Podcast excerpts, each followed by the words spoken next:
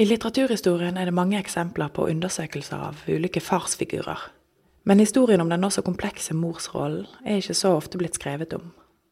I kafeen på biblioteket møtes Hilde Kvalvåg og Marit Eikemo i et bokbad om mor- og barnforholdet. De har begge gitt ut bøker i år, der hovedpersonen er en alenemor som bor sammen med ett barn.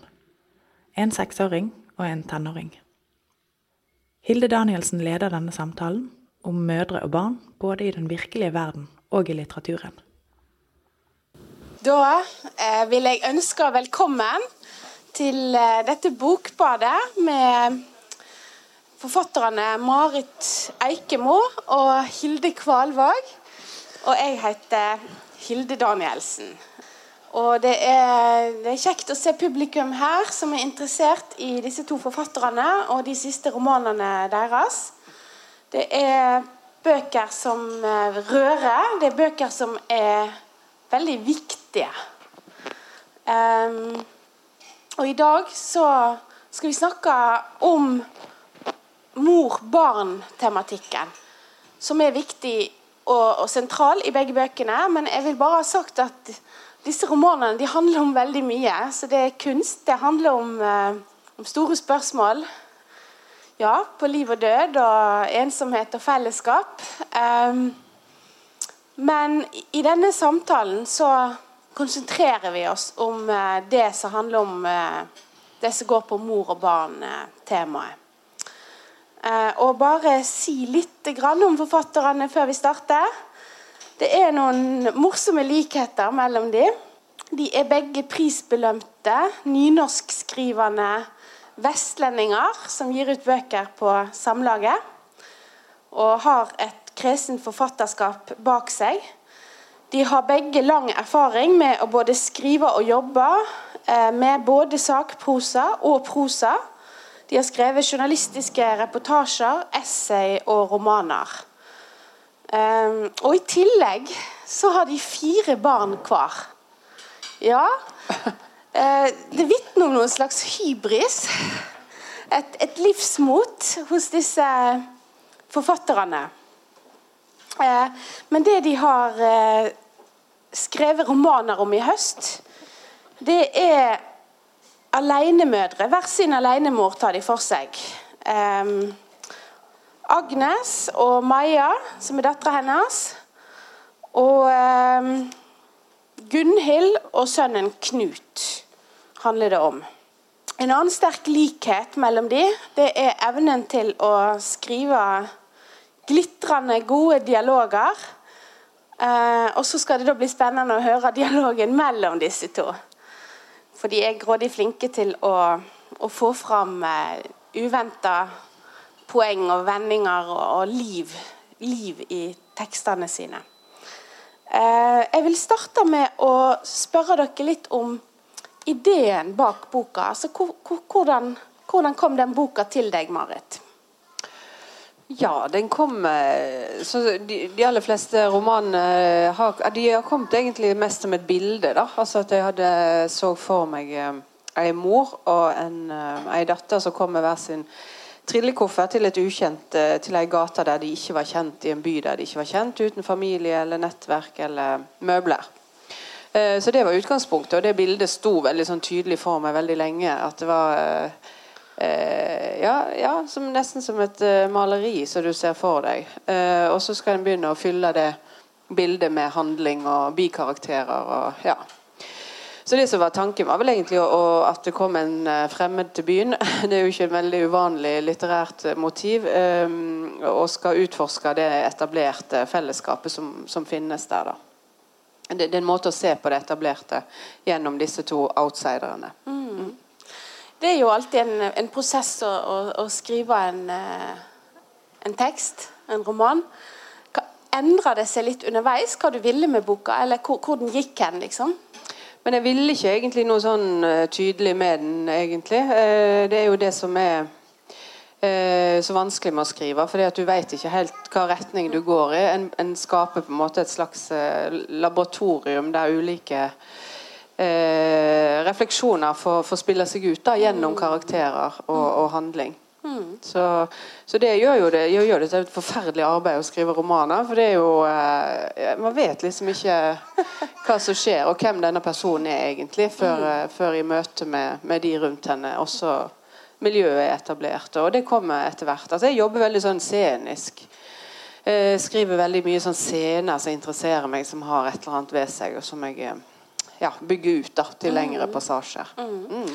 For, ja, for det, det jeg syns er veldig spennende med den boka, er jo hvordan den òg blir et, et, portrett av et helt nabolag, og egentlig av Norge i dag. Så du, du bruker den, eh, det temaet ditt til å, å si noe òg om andre, andre ting.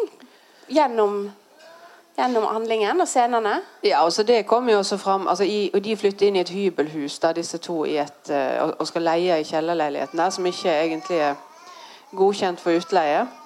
Uh, men uh, rundt og i det hy hybelhuset så bor det jo forskjellige representanter for, for samfunnet. da, altså Både medisinstudenter og jusstudenter og en østeuropeer og en kunstner på toppen. så, så, Sånn sett så kan du si at det og flere andre rundt i dette nabolaget representerer eh, forskjellige ja, samfunnsroller som er, som er, mer eller mindre under press. da. Mm. Uh, mm. Ja, og nå er vi litt mer kjent med din bok. Og Hilde, kan du fortelle om bakgrunnen for, uh, for din bok? Eller hvordan den ja. kom til deg? Mm. Også, som kanskje en del av de som jeg har hørt meg snakke om før, så, så begynte det jo med, med oldefaren min og, og, hans historie. I og med at han reiste fra sine unger. da. Eh, til sammen seks unger, og den yngste traff han aldri. Så det som jeg hadde tenkt først, var å skrive en eh, roman med ulike tidsplaner og ulike fortellere. Tenkt å gå inn i hans liv og, og, på en måte se det fra hans synsvinkel. Og prøve å gjenskape den tida, og så ha ulike tider å se på utvikling. F.eks. av foreldreskap. da. Uh, men så krymper jo romanen stadig mer. Uh, jeg tror jeg har sånn 500 sider i skuffa. Um, så fant jeg ut at det som interesserte meg mest, og kanskje fordi at jeg har hatt en haug med tenåringer sjøl i den perioden, var forholdet mellom hun moret som jeg ville sende for å, å gå i fotsporene til oldefaren, og, og en sønn. Og um, det ble liksom mer og mer klart for meg at det var to ting som interesserte meg. Det der at barn holdt på å, å, vokse fra eller barn holder på å vokse fra en mor da, og snart skal uh, ja, forlate henne. Uh, men òg uh, det der med tenåringen, hvordan, hvor forferdelig vanskelig det kan være, og hvor, hvor livet kan gå i stå for en del tenåringer. Det interesserte meg. Mm. Ja, for du, du, gir et sånt dypdykk i én relasjon. Altså, det er de to. Mm. Og forholdet mellom de som, som, står på spill og driver boka på et vis. Ja, det vil jeg absolutt si. Altså, og, og, du får det fra begge sin synsvinkel. Da, sant? Og fra 16-åringen og fra hun som er kanskje noen og 40. Um, og, og oldefaren min, i den grad han kommer til ordet, så er det kun gjennom brevene han sendte hjem. Um, ja. Uh, så ja, så det er relasjon mellom de som driver det. ja. Mm.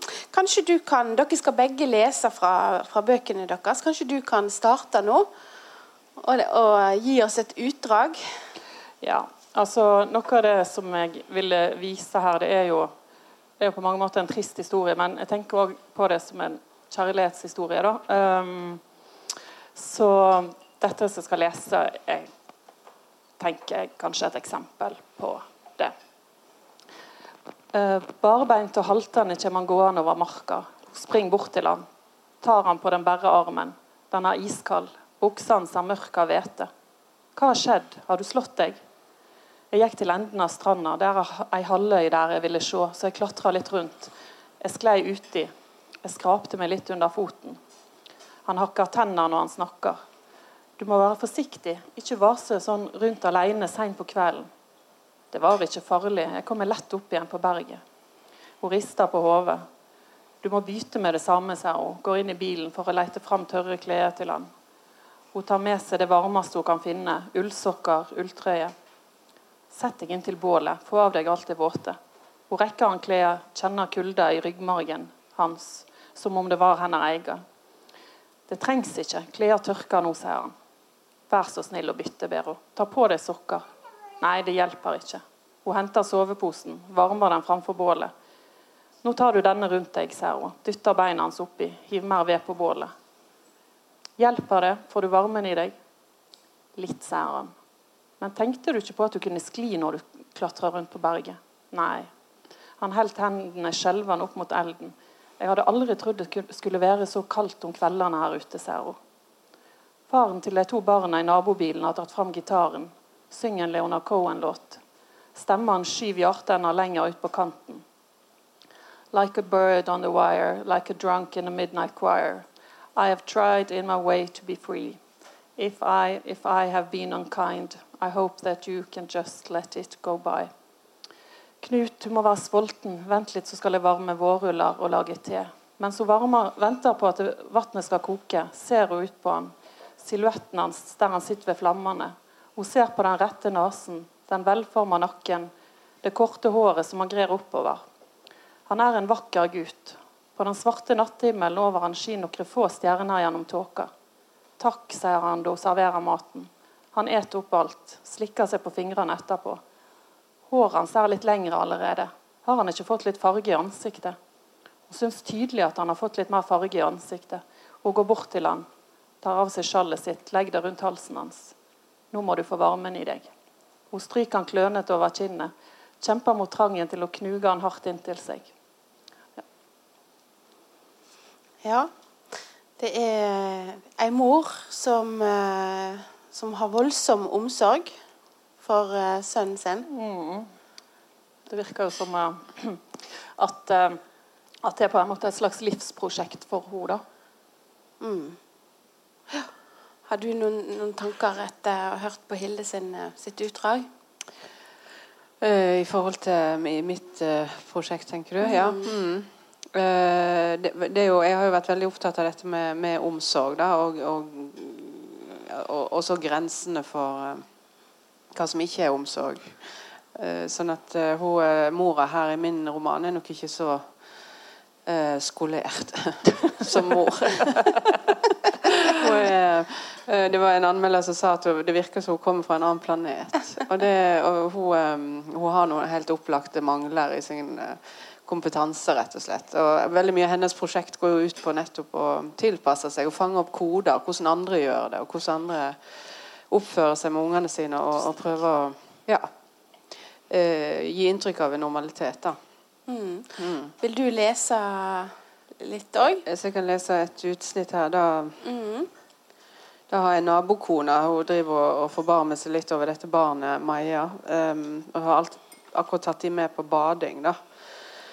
Eh, og det var jo òg en litt sånn bisarr situasjon, fordi at hun kom jo der allerede med altså hun Nabokona Frøydis hun kom jo der med til sammen fire unger. og så tar hun, Eller tre unger, så tar hun med seg Maja i tillegg. Eh, en unge fra eller til, liksom. Og så, så sier hun til, til hun her eh, Agnes ja, du skal ikke være med, da. Og så, nei, nei, hun hadde så mye å gjøre. Hun skulle vel sikkert spiller noe på nettet. Eller. og så, men så slår det jo det hun ser at, de går, at hun går der med alle fire ungene til sjøen. da At kanskje hun trengte hjelp. Så kanskje, kanskje det var det hun egentlig mente. Men når de kommer tilbake, da skal jeg lese en liten eh, Da kommer Frøydis tilbake med alle ungene til bading. Du kunne godt fortalt meg at Meia ikke kan svømme, sa Frøydis. Hun la ikke skjul på at hun var irritert. Kan hun ikke svømme? glapp det ut av meg. Jeg mener, er det noen som kan svømme? Frøydis så dumt på meg. Alt jeg sa, ble feil. Poenget var jeg visste ikke at jenter kunne svømme i den alderen. Jeg trodde Maja var som de andre. Frøydis kunne vel like gjerne sagt til meg at Emma kan svømme, som at jeg skulle være den som sa at Maja ikke kan svømme. Jeg var ennå ikke sju år. Det måtte jo være helt normalt at jenter i den alderen ikke kunne svømme. Emma har gått på svømmekurs siden hun var fire, sa Frøydis. Men det kunne vel ikke jeg vite. Frøydis så oppgitt på meg og spurte om det aldri hadde slått meg at det kunne være en smart investering for barnet mitt å lære å svømme. Først hadde Maja gjort et stort nummer av at hun, først hadde Maja gjort et stort nummer av at hun ikke ville ha på seg baderingene. Hun hadde kasta dem i bakken og protestert. Likevel ville hun være på dypet sammen med Emma. Frøydis hadde prøvd å forklare det til henne at hun ikke kunne være på dypet uten ringene hun ikke kunne svømme. Og Da hadde Maja slått seg helt vrang. Hun hadde ropt til Emma at det var dårlig gjort av henne å si at hun ikke kunne svømme.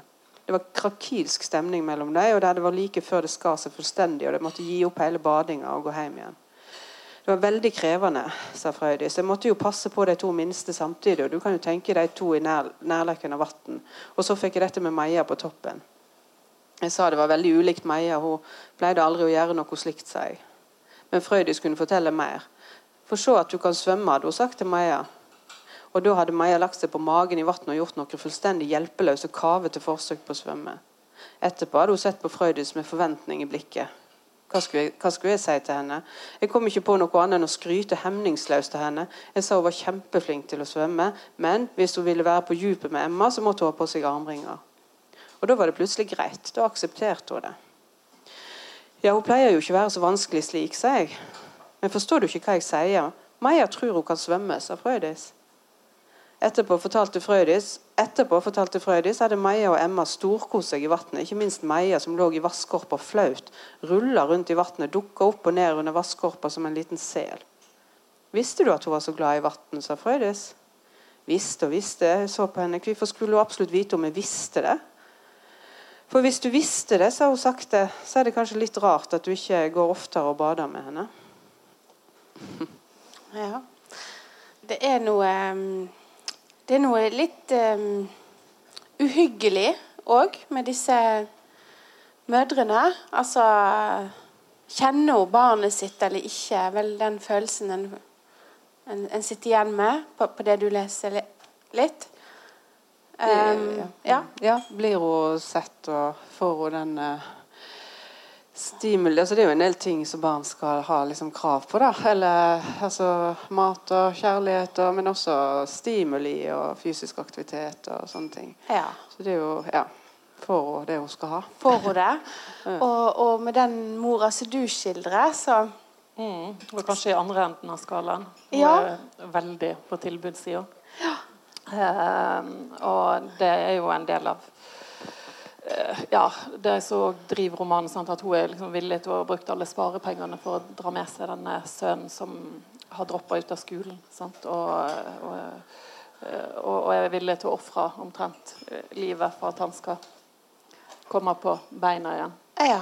Hun har jo brukt en formue på denne turen, ja. tror jeg hun sier. Ja. ja. og litt misfornøyd med at, hun ikke, at han ikke er mer takknemlig òg. Altså, Mm. Ja. Altruismen har jo sine grenser. Og, men bare i den, eh, den, lille scenen som du leste, så, så, så, så kan det jo òg være noe feberhett i en sånn intens oppmerksomhet og mm. nærhet. Og altså, ønske om, om, nærhet til altså jeg sønnen. Det blir kanskje litt sånn, litt sånn ulykkelig kjærlighetshistorie. At eh, på samme måte som du kunne vært forelska i en mann som avviste deg, så her har du en, en sønn som avviser veldig mye. Mm. Selv om at de har jo sine øyeblikk av nærhet, og at hun liksom får komme inn. Men hun higer på en måte etter nærhet fra henne. Mm. Og, ja.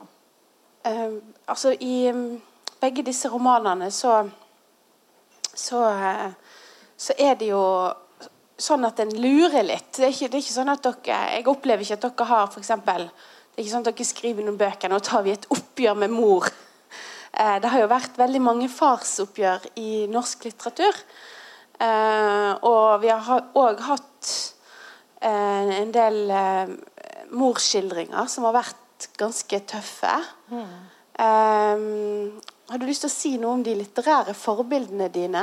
Um, ja, altså jeg, jeg, jeg, har jo mange litterære forbilder, men. For for å ta norske forbilder, da, så de som er sett høyest, er nok Vigdis Hjorth og, så, kanskje Eller ikke kanskje, men Per Petterson. Eh, og, og, Per Petterson er jo som oftest i sine bøker da barnet. Sant? Han skriver om, eh, om ordet og jeg vet ikke ja. Han skriver lite om, om forholdet altså nedover, da. Altså mot, fra Han er ikke så opptatt av karakterene sine barn, men mer foreldrene. Mens Vigdis Hjorth har jo eh, f.eks. skrevet 'Snakk til meg', som jo et eh, veldig sterkt inntrykk på meg. der eh, det er en voksen sønn som ikke nesten vil ha kontakt med mora. Og det syns jeg var forferdelig gripende og ilt å lese. Uh, og så òg Alice Munro har jeg vært veldig begeistra for og er. Uh, og, hun har bl.a. en novelle som jeg hadde uh, nevnt i boken, der um, det, de her ender opp på ei lita øy som heter Denman Island. Og, og i en av novellene til Alice Munro, i 'Rømlingen', er vel, så, så reiser en kvinnelig karakter over med ferja for å hun skal møte dattera si, som er på en sånn retreat, noe sånn New Age-aktige greier. Og så når hun kommer der, så, så får hun vite at dattera er ikke der. Og, og og får aldri kontakt med dattera igjen, ikke heller i de andre novellene. Og, ja, så, så, det er nok noe med den desperasjonen som har interessert meg, da. Mm. Ja. Du, du, Marit, har du noen liksom litterære forbilder? Nei, ingen forbilder. Nei da, Du ble inspirert av? Du suger alt av eget ja, bryst? Ja, alt av eget bryst. Ja. Nei da, jeg har ikke så mye så konkrete sånne forbilder altså, sånn, um, i forhold til denne tematikken. Altså, jo, jo, det er jo alltid sånn Kjærlighet han Ørstavik er jo litt sånn i samme eh, samme aldersgruppe og sånn, da, men eh, jeg er jo kanskje vel så mye inspirert av Ibsen sånn sett, enn en disse her som går på den, akkurat den spesielle tematikken, f.eks.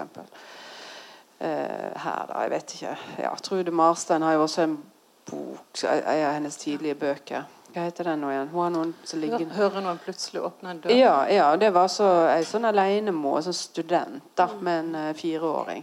Men uh, jeg har jo villet skrive om ei som rett og slett står veldig på utsida av samfunnet. da, uh, I tillegg til det rent sånn ja, alenemor-motivet. så i tillegg være liksom, ha, ha noen andre Eh, handikap, eller hva jeg skal si.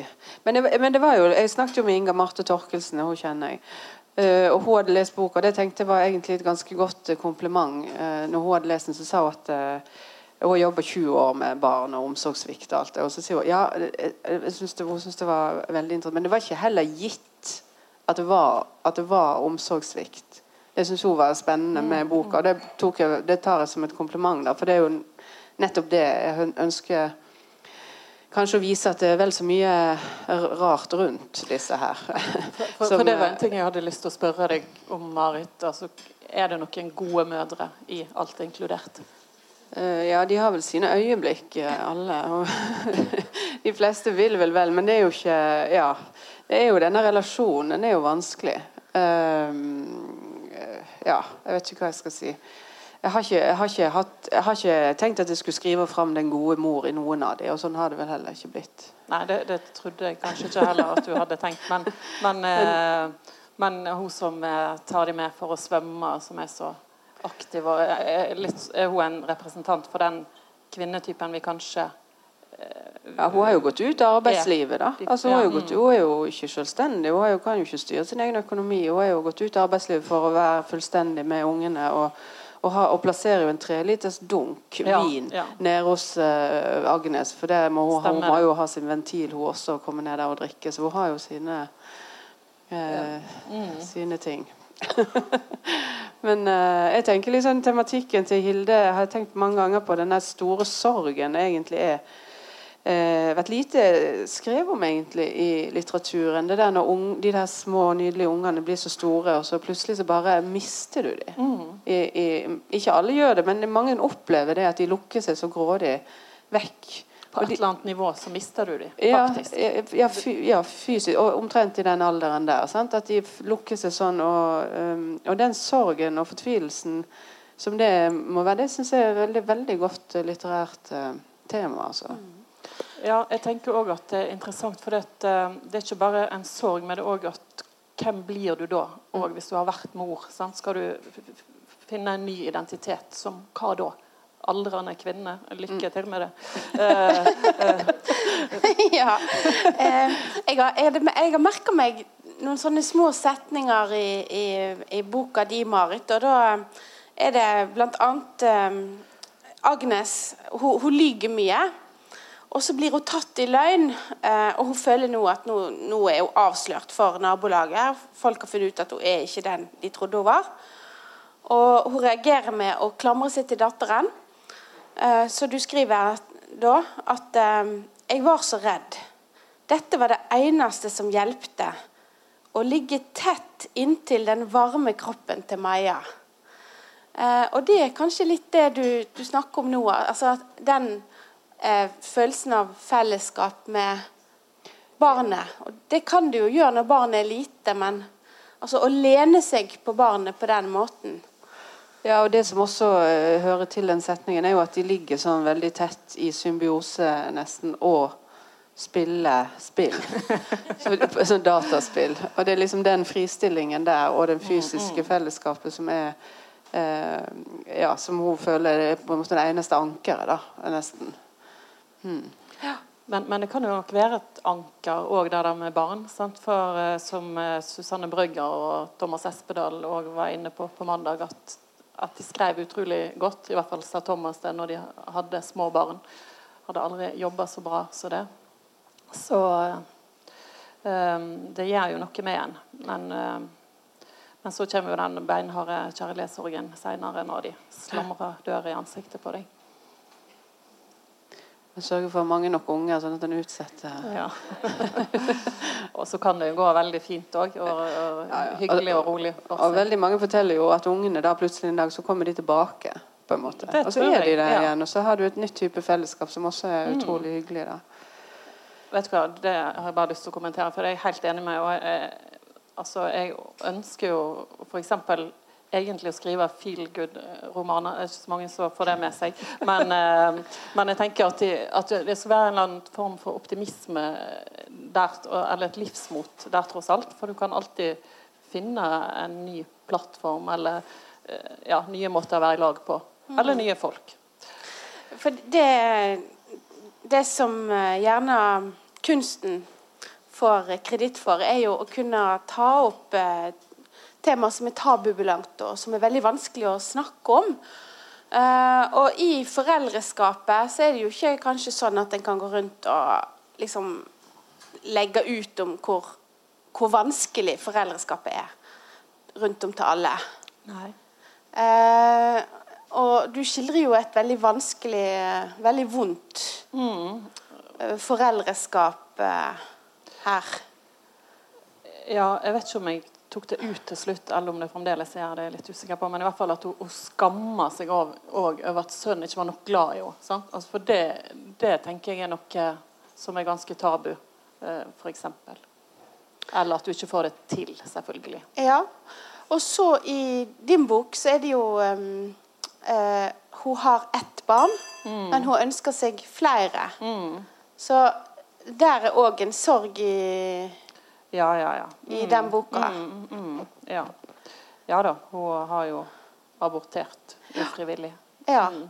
Men er det liksom symbiosen med babyen hun ønsker seg da? Altså er det Altså, det er jo hva, ja, hvorfor får en barn? Det er jo et stort spørsmål. Um, altså, det er jo kanskje den symbiosen, ja. Den uh, liksom å ha noen å, å, å leve for og, bry seg om. Mm. Uh, og selvfølgelig så demper det jo ensomheten din. Ja. Og det, ja. det, må, det må jeg eh, Kan jeg bryte inn? For der har jeg eh, tatt, ut, tatt, ut, noen setninger fra, fra din bok som jeg syns var spennende. Og, og, det er Gunhild som, eh, som, snakker med en tilfeldig fyr, egentlig. Og de snakker om barn. Og så sier hun det at eh, en tror at alt skal bli bra om en får et barn, sier hun. At en aldri mer skal bli alene. Um, det er jo et ganske ganske høyt, høyt håp. Mm, ja da, men som du vet med alle håp, så pleier det jo ikke å slå helt til. Men uh, men jeg vet ikke om jeg skal snakke for romankarakteren eller meg sjøl. Eh, men uh, men du er, jo, du er jo Selv om du kan være ensom i en familie, så, så er det i hvert fall noen f.eks. i huset. da. Altså, det er noe helt annet å ha en uh, ungdom som spiller dataspill, tross alt. Og kanskje du nesten aldri ser han, men du hører i hvert fall at han er på Skype. um. Ja. Eh, du, Marit, har jo i veldig altså, Kanskje alle bøkene dine tatt opp det her med fellesskapet og vanskene med å være i et fellesskap. Ja, altså hun, ja, hun eh, sier vel det en gang, Agnes, at hun tenkte at Først hadde hun tenkt at å få et barn ville være en fordobling av selv, altså en fordobling. Men i møte med dette her, der alle familiestrukturene er så på plass, så innser hun at, at hun er den min, altså hun, hun repre, de representerer det minste mulige Og kanskje en feil. Ja. ja. Sånn at, øh, og det gjør de på en måte ekstra skjøre og sårbare òg, da. Mm. Men øh, Eh, ja, nei, jeg vet ikke. Grunn til å få unger. Jeg var jo, jeg var jo i fengselet til, og besøkte Erling Havne. det var noe et prosjekt jeg holdt på med. Og da var jeg gravid med nummer tre. Da var, lurte han på hvorfor jeg var gravid. Nei, hvilket barn det var. hvilket barn det var. Nummer tre. Og da ble han helt sånn Han hadde iallfall tatt politisk ansvar. og bare for to. Ja, ja, Hvordan skulle det sett ut hvis alle skulle liksom bare få unger og få unger? Ikke mye ressurser til Så vi har forskjellige syn på ting. Mm. Ja. ja. Men det er jo klart, altså fellesskap Også veldig mange um, Og det er også i min bok Det går for så vidt greit så lenge du har barn i barne hagealder og det der. Da kan du leve livet ganske sånn noenlunde som før. Da, bare at du har eh, barn, og det krever jo litt ekstra. og sånn. Men eh, det, i det øyeblikket du får barn i skolealder, det er da jeg tror veldig mange innser at nå forandrer livet seg. Mm. Det er nå det liksom bare er ingen eh, vei tilbake. Og plutselig så ser du deg sjøl i all slags Det er så mye du må gi opp, på en måte. Det er så mye mm. nye relasjoner, og det er så mye du bare jeg hadde en lang diskusjon med en kollega her på, i Oslo eh, som gikk på det at hun, hun, følte det var så stress, det der, alltid. Det der skole og baking. Og, for hun følte ikke at hennes, Sånn var ikke hennes identitet. Hun følte hun var tvinga inn i en type mm. identitet som ikke hun Ja. Det er nok veldig rigide altså ramme for hva ei god mor skal være. Og Samtidig så ser en jo det at har en egentlig noe valg. En får jo bare stå i det. Og så kan det jo være ganske hyggelig også, eh, med alle disse kakebakingene og dugnadene. Men du kan liksom ikke på vegne av barnet ditt melde deg ut. Det vil jo på en måte ramme barnet ganske mm. hardt. da. Selv om man kunne ønske å protestere selvfølgelig at dette må vi ha disse kakene nå igjen. Må vi liksom ha den type bursdag? må vi... Mm. Men å være liksom talsperson for det alternative syn på vegne av barna, det vil iallfall ikke jeg være. Nei. Nei, du, Men du, du, tematiserer jo mye altså hvordan eh, hun opplever at andre ser på henne. Eh, og noen ganger protesterer hun, sånn som så på skolen. Så er det noen som sier kommer, kommer dere alene? Og så sier hun men vi er jo ikke alene. Altså, det er jo sant? Det er oss to. Eh, men hun, hun, er jo var for det blikket som hun opplever retta på seg fra, fra andre. Eh, og at hun opplever jo at hun ikke alltid eh, Ikke alltid klarer å å leve opp til det som hun, hun skal gjøre. Og har, Det er en annen scene som jeg bare ville trekke fram. Så, så, så der Agnes har, har truffet en, eh, en, organist. Og så er hun med han hjem for første gang. Og så viser det seg jo at eh, de kom inn i en leilighet med fullt av barnetøy og, og kvinneklær. Um, så hun skjønner jo at han er en familiemann, men han sier nei, de er, de er vekke nå, så de kommer ikke akkurat nå. Og så begynner hun å gråte. Han lurer litt på hvorfor. Og da er det jo det at det er, det er jo datteren sin første skoledag, rett og slett. Ja. Og hun sier det at 'jeg veit ikke noen ting. Jeg veit ikke hva jeg skal gjøre.' Alle andre veit alle ting så instinktivt, verker det som om. Men jeg jeg veit ikke hva som er vanlig å gjøre med barn når de begynner på skolen. Um, og det, det er jo kanskje hun Agnes framstår noen ganger litt ekstrem i å være annerledes eller naiv. Eller.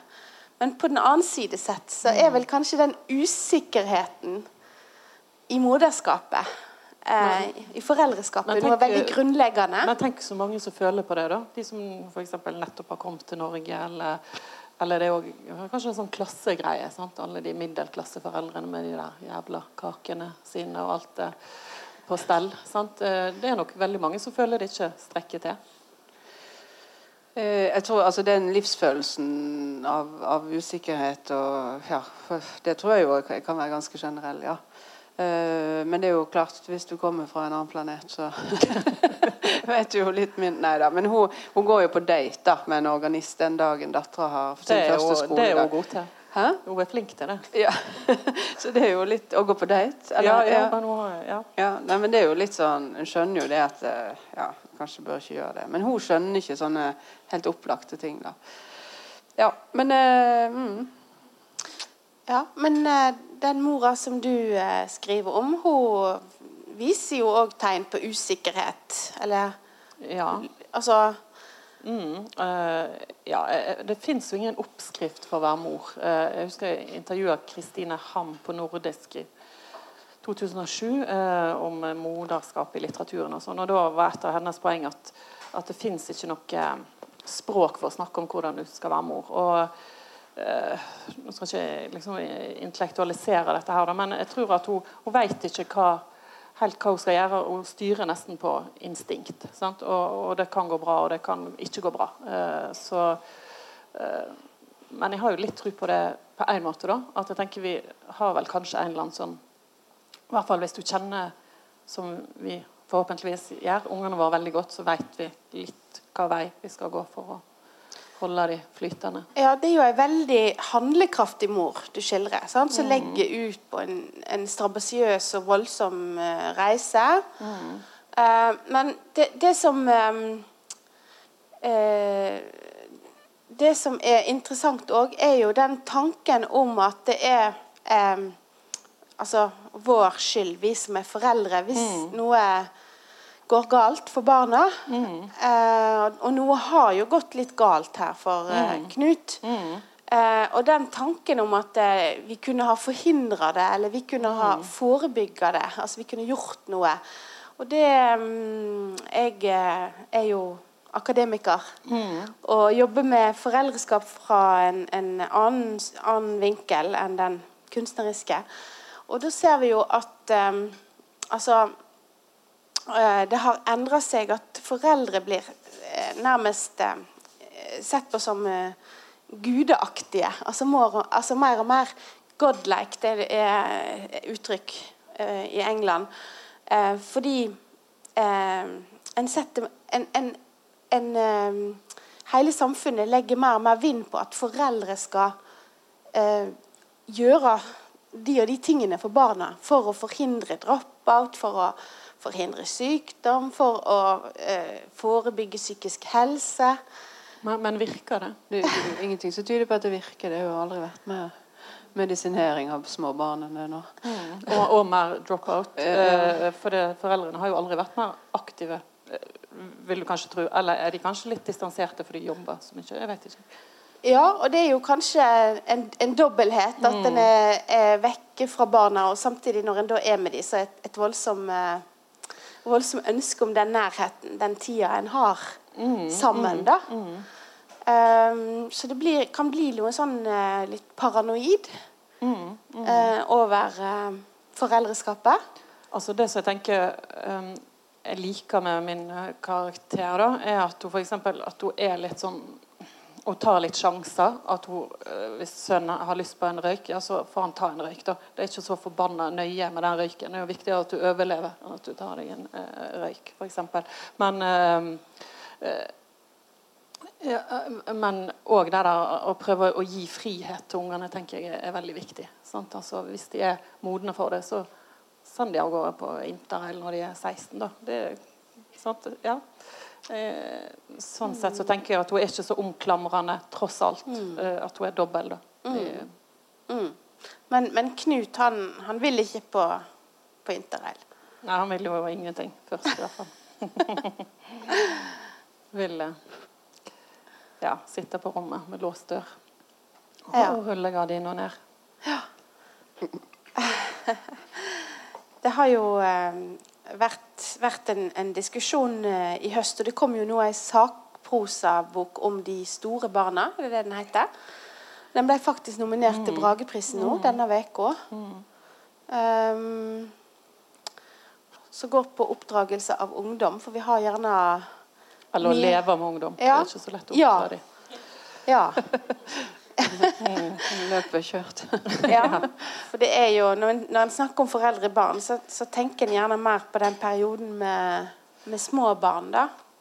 Ja, og, men bare for å komme litt tilbake til det du sa hvem sin skyld det er, sant? Så, så er jo det jo en veldig sånn lettvint ting. Ja, det er jo sikkert fordi at moren var sånn og sånn, eller faren var sånn, eller Men, men du kan jo se f.eks. hvis de som har flere barn, så er jo ungene veldig forskjellige. Så det er en veldig lettvint forklaring der, der med at det er fordi at Jeg tror også det virker så kanskje mange er litt sånn usikre på hva de skal gjøre med disse store barna når de blir store. Altså De der søte som du har gått og klemt på.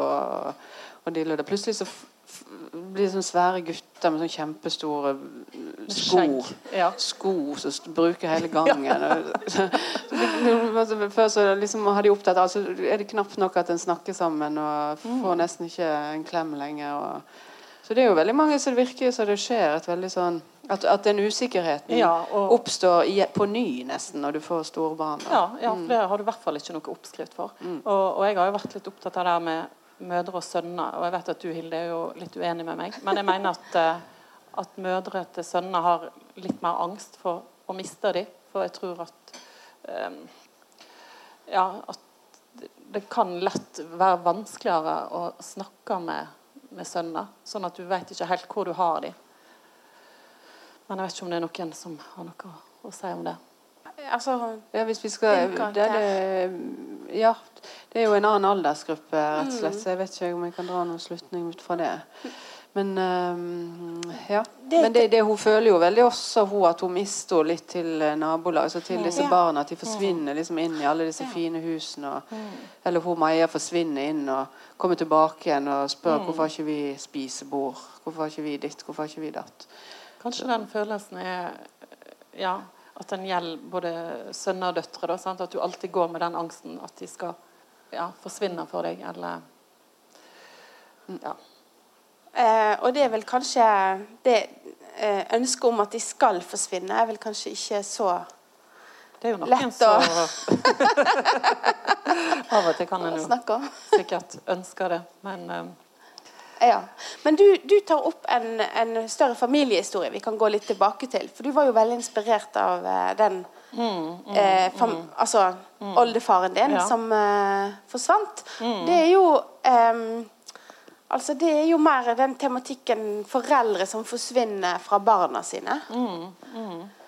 Ja, altså jeg var jo veldig sjokkert over at han kunne reise fra eh, altså sitt sjette barn, som ennå ikke var født, og faktisk aldri traff henne. Eh, Um, og, og, og det var jo noe av det som interesserte meg, og hadde lyst til å skrive henne. Hvordan i alle dager kunne han det, og hva, hva skjedde med han? Var han i fengsel? eller hvor, Vi visste jo ikke hvor det var blitt av han. Men eh, han hadde jo levd alene på en liten plass som heter Shangri-La. Det er ikke noe jeg har funnet på, hvis noen som lurer på det. Der eh, endte han sine dager. Uh, og, og, og sendte jo kjærlige brev hjem lenge. Men, men jeg tenkte på det før i dag. Det var liksom ok, Hvis han hadde kommet hjem etter ti år, det var akkurat så det var greit. Men hvis jeg er vekke i ti dager, så er det, da føler jeg meg som en skikkelig dårlig mor. Jeg tror aldri jeg har vært vekk i ti dager. Så snakk for deg sjøl. Ja. Men eh, du tar jo opp dette med kjærlighet og morskjærligheten. Ehm, som jo kan være ekstremt sterk. Um, den er nesten ikke til å tenke på med enkelte ulykker. Sant? Der uh, mødrene dør fordi de passer på ungene. Det vet vi. Eh, Det har vi sett på store ulykker.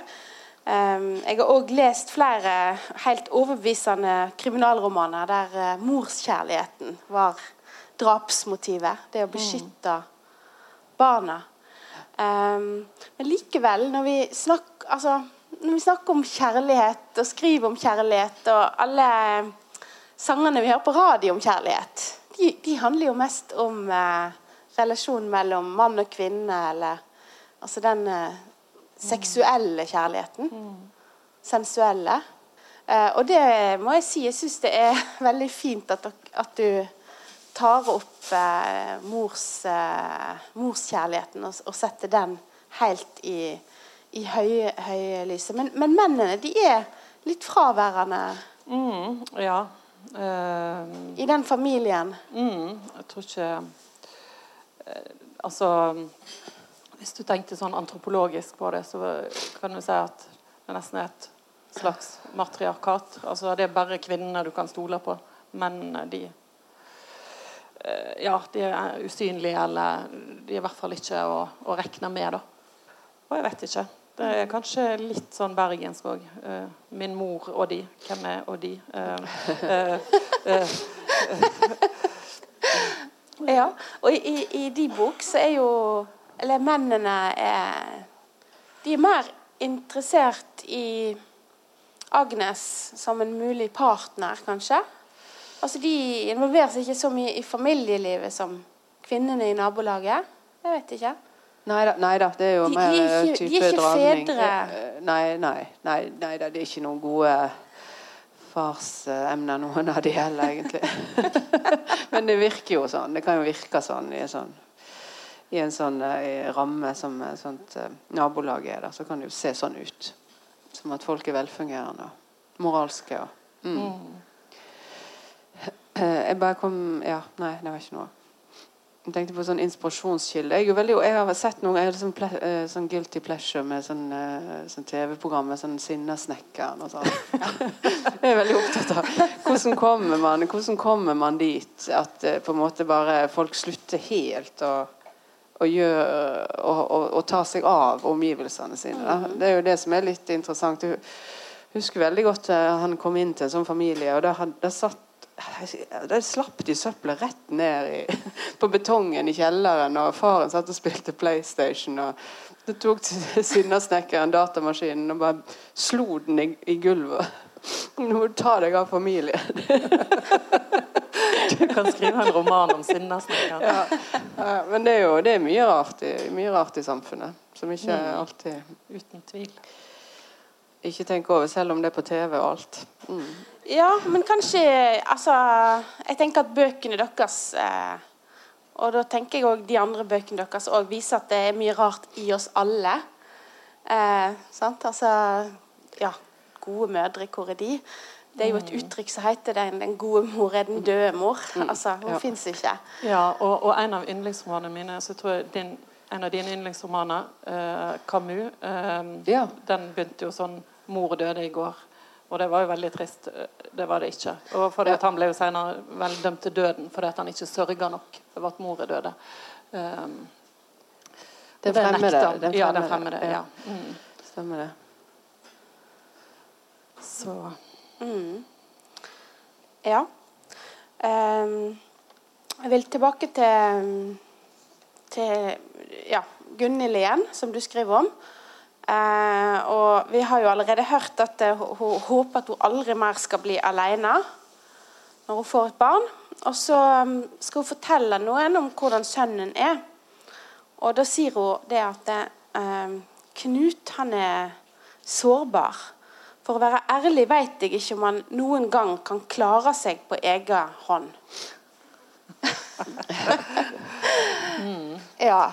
Er det en ønskedrøm at han ikke skal klare seg? på en måte Dessverre så, så er det kanskje litt begge deler. Sant? At, eh, at hun mener det nok, men samtidig så, så lenge han ikke klarer seg, så er det jo noen som trenger henne. Så, eh, så det kan være litt sånn Ja, litt sånn trist eh, Ja, Papir, jeg vet ikke om det ville slått helt heldig ut for henne. Altså, det er jo hennes Ja. egen Men det er jo trang da til å ja. ja, hennes egen trang til å til å være noe for noen. Eller kanskje til å ikke være alene. Jeg vet ikke. Ja. Men, men eh, det er jo en utvikling i, i boka. Eh, eh, og, og kanskje akkurat i forhold til dette her, med, med om han kan Klare seg alene. Ja. Mm. ja, det er klart han kan det. Ehm, og, og jeg tenker det handler kanskje for henne om om å være voksen da, og se at og tillate å, gi han det rommet for å eh, klare seg sjøl. Ja. Det er jo òg, tenker jeg, at foreldre må tre litt tilbake og stole på ungene sine. Samtidig så er jo ungene ganske altså de er jo ganske hjelpeløse fram til de er rundt 15 år. Eller 25. Ja, ja, ja. men eh, det er jo et veldig langt tidsspenn ja, ja, ja. eh, der menneskene, eller disse barna ikke klarer seg, faktisk. Ja, ja, ja. ja absolutt. Mm. Mm. Men, men eh, altså I disse, disse bøkene så er det jo mange som, som strever. Sant? Det, det går liksom ikke helt eh, på skinner. Eh, men du har eh, Ja, og i et intervju òg så var du inne på dette her at en, en Ja, hvordan hvordan takle store kriser. Det har jo vært noen store kriser i den boka di. Mm. Hvordan komme seg på beina igjen. Ja. Ja, hva skal jeg si om det? Um, det er jo kanskje eksempel eh, så mener hun Gunhild at de skal ut og gå i eh, ødemarket for å herde seg. Og jeg tenker at at det kan jo være en sånn frelse i det, da. I naturen eller Ja. Jeg har absolutt tro på at, eh, at folk kan komme seg opp igjen. Sant? Og som mor hennes sier til henne at du er en katt med ni liv. Sant? Livet er jo ikke alltid så enkelt, men det er jo bare å kjempe på videre. Mm. Og sånn er det eh, kanskje for Agnes òg. Ja, de tar vel ikke, kanskje ikke akkurat opp kampen, da, føler jeg. Eh, men eh, eh, Ja, det men jeg har jo mer en litt sånn utopisk tanke om, om hvordan ting skal Altså, ja.